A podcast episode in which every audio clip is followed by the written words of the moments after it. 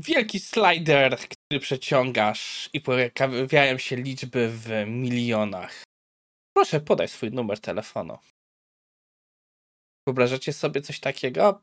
Ja jestem w stanie uwierzyć, że ZUS by mógł to wprowadzić na półę ZUS. A w dzisiejszym odcinku będzie jeden materiał. Monitoring nie jest prosty. Czas zacząć.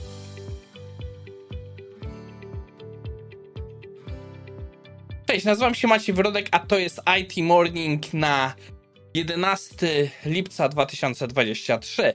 Jak widzicie, znowu mamy jednomateriałowy odcinek, bo będziemy rozmawiać sobie o monitoringu, chyba po raz ostatni na najbliższy czas.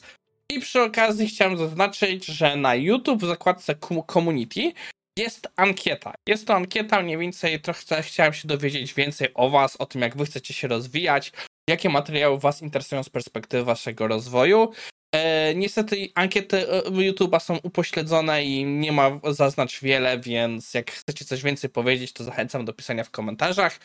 W opisie na dole też to przypnę, bo niestety nie da się to przypiąć jako link tutaj właśnie na stronie. E, no i żeby nie przeciągać dalej, przechodzimy do naszego pierwszego i jedynego materiału w dzisiejszym odcinku.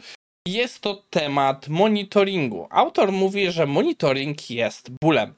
Szczerze mówiąc, wiedziałem o tym, ale dopóki jak nie przeczytałem tego artykułu, nie uświadomiłem sobie jak bardzo. Ja y, mam dużo do czynienia z monitoringami. Obecnie, jak wiecie, my także trochę używamy z testów end-to-end u nas w monitoringu i coraz więcej widzę pewne rzeczy, o których do tej pory nie miałem pojęcia. A to, co autor pokazuje, to już w ogóle. E, o co chodzi? Autor zaznacza, że tak naprawdę w żadnej sensownej skali, czyli jak już mówiłem o większych aplikacjach, monitoring nie jest prosty. To nie jest coś, co odpalamy i zapominamy. Wymaga on bardzo dużo ciągłej opieki, ciągłej podnoszenia jego możliwości, ciągłej wymiany serwerów i tak dalej, żeby działał.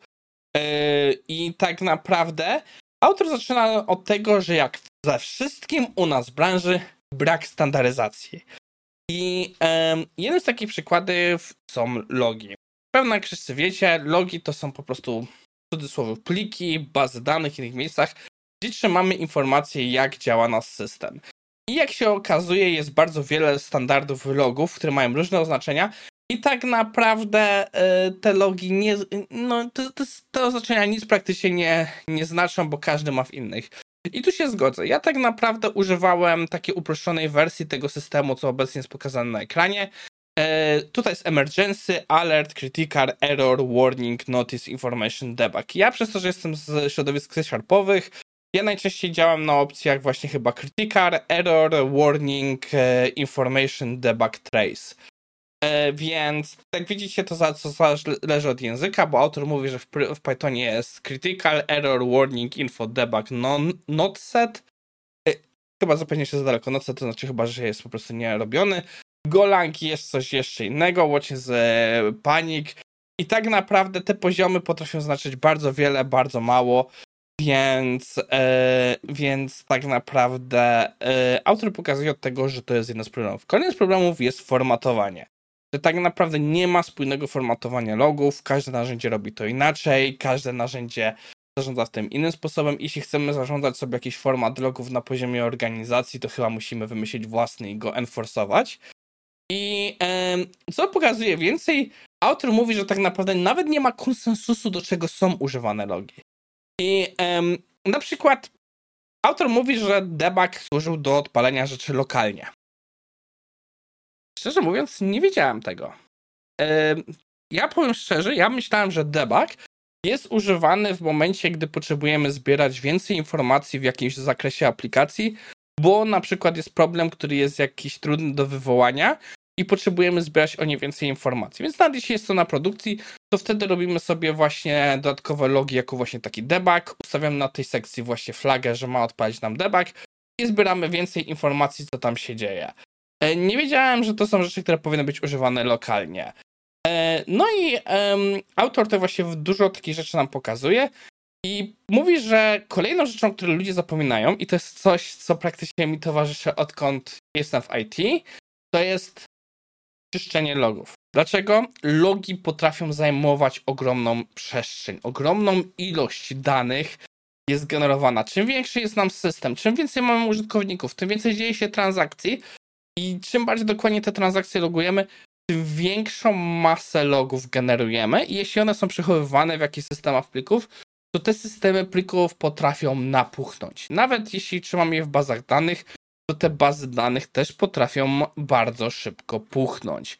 Więc e, autor też pisze właśnie tutaj, że firmy bardzo często nie potrafią poprawnie przewidzieć kosztu monitoringu, a zwłaszcza jeśli mówimy o logach, bo tak naprawdę bardzo często koszty właśnie zbierania logów, ich utrzymywania potrafią kosztować więcej niż tak naprawdę hosting dla, jakiej, dla tej aplikacji, z której są logi. I no, autor później ma się trochę dużo do powiedzenia negatywnych rzeczy o logach. I na koniec ma trochę swoich przemyśleń, że jeśli właśnie e, mamy system, to musimy poważnie, e, mikroserwisowy zwłaszcza, musimy poważnie, ostro przemyśleć, co chcemy logować i czy nam w ogóle te logi są potrzebne, jakie będziemy chcieli przechowywać. Dalej autor mówi trochę, że e, warto pomyśleć o samplingu. Nie będę wchodził do końca więcej o co chodzi sampling. Dodałem sobie temat do poruszenia w jakichś dalszych odcinkach, bo mam, no powiedziałbym, dość upośledzenie, e, upośledzenie zrozumienie tego wszystkiego. No i na końcu mówi, że jeśli polegamy w naszych logach na regexach, to niech Bóg ma na, na naszej opiece. Oczywiście autor mówi, że no w takim momencie pojawia się świat metryk. I tu autor dyskutuje o wykorzystaniu narzędzia open source'owego Prometheus. Nie miałem z tym narzędziem do czynienia, więc tutaj nie będziemy aż tak bardzo wchodzić w to, jak ono działa i jak on sugeruje to ustawić, tylko bardziej chcę pokazać złożoność tego całego problemu. Bo autor zaczyna od tego, że większość tych narzędzi jest przewidziana jako single server, czyli nie mamy sytuacji, że mamy wiele serwerów, a z czasem, jak nam się systemy rozrastają, nawet monitoring potrzebuje te rzeczy.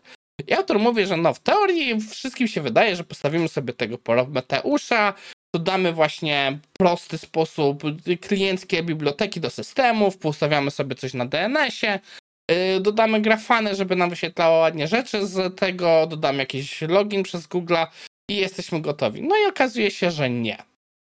Autor poka zaczyna pokazywać nam różne podejścia, co się dzieje, jak robią się już nam, za, potrzebujemy systemów. Zaczynając od czegoś, co nazwał federacją, gdzie mamy parę wyższego poziomu Prometeuszy i parę niższego poziomu. I omawia także coś jak cross-service. Jak mówiłem, nie będę wchodził tutaj w detale. Dalej autor pokazuje, że znowu to się skaluje już pokazuje naprawdę kompleksowe rozwiązania, których e, omówienie każdego z tych rozwiązań wydaje mi się, że zajęłoby nam dobry odcinek, jak nie więcej, gdybym je w pełni rozumiał. Że się rozumiem, co się dzieje na tyle, co tutaj widzę na obrazku, ale bym potrzebował więcej też posiedzieć, żeby się wczytać poprawnie. On tutaj właśnie mówi o jakimś Thanosie i Cortex. E, dalej mówi, że no i w tym wypadku są narzędzia sasowe, ale znowu to są bardzo e, drogie narzędzia i trzeba bardzo się pilnować, czy na pewno chcemy z nich korzystać, co chcemy, no, gdzie chcemy mieć jakieś metryki i tak dalej. Coś, co autor powiedział, że musimy też mieć dobrą granulację źródeł kosztów w metrykach, że powinniśmy się nie bać bez stanie pójść do jakiejś aplikacji i nie powiedzieć, że nas cały system kosztuje nasz biliony, tylko być w stanie powiedzieć, ej, ta konkretna aplikacja, ten konkretny subsystem, on jest naszym, on jest źle ologowany i kosztuje nas za dużo.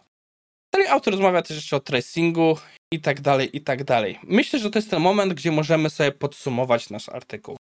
Jak widzicie, Logi nie są proste. Cała metryka, cała właśnie mierzalność systemu, która jest takim kluczem w DevOpsie, to nie jest tanie rzeczy. To jest dużo tutaj źródeł kosztu, dużo źródeł komplikowanych rozwiązań, które wiadomo zawsze nas kosztują czas, który powinien pójść na development. I dlatego bardzo wiele firm ma zespoły platformowe zajmujące się takimi rzeczami. E, no i myślę, że to, co ja wyciągnąłem z tego artykułu, to nabrałem o wiele więcej jakiegoś respektu do zespołów platformowych, które to utrzymują. I mam nadzieję, że wy też. To wszystko w dzisiejszym odcinku. Dajcie znowu znać, co sądzicie o takich jednomateriałowych odcinkach. Jeszcze raz przypominam o ankiecie, o lajkowaniu, subskrybowaniu i komentowaniu. To wszystko w dzisiejszym odcinku IT Morning i widzimy się jutro w normalnym już odcinku.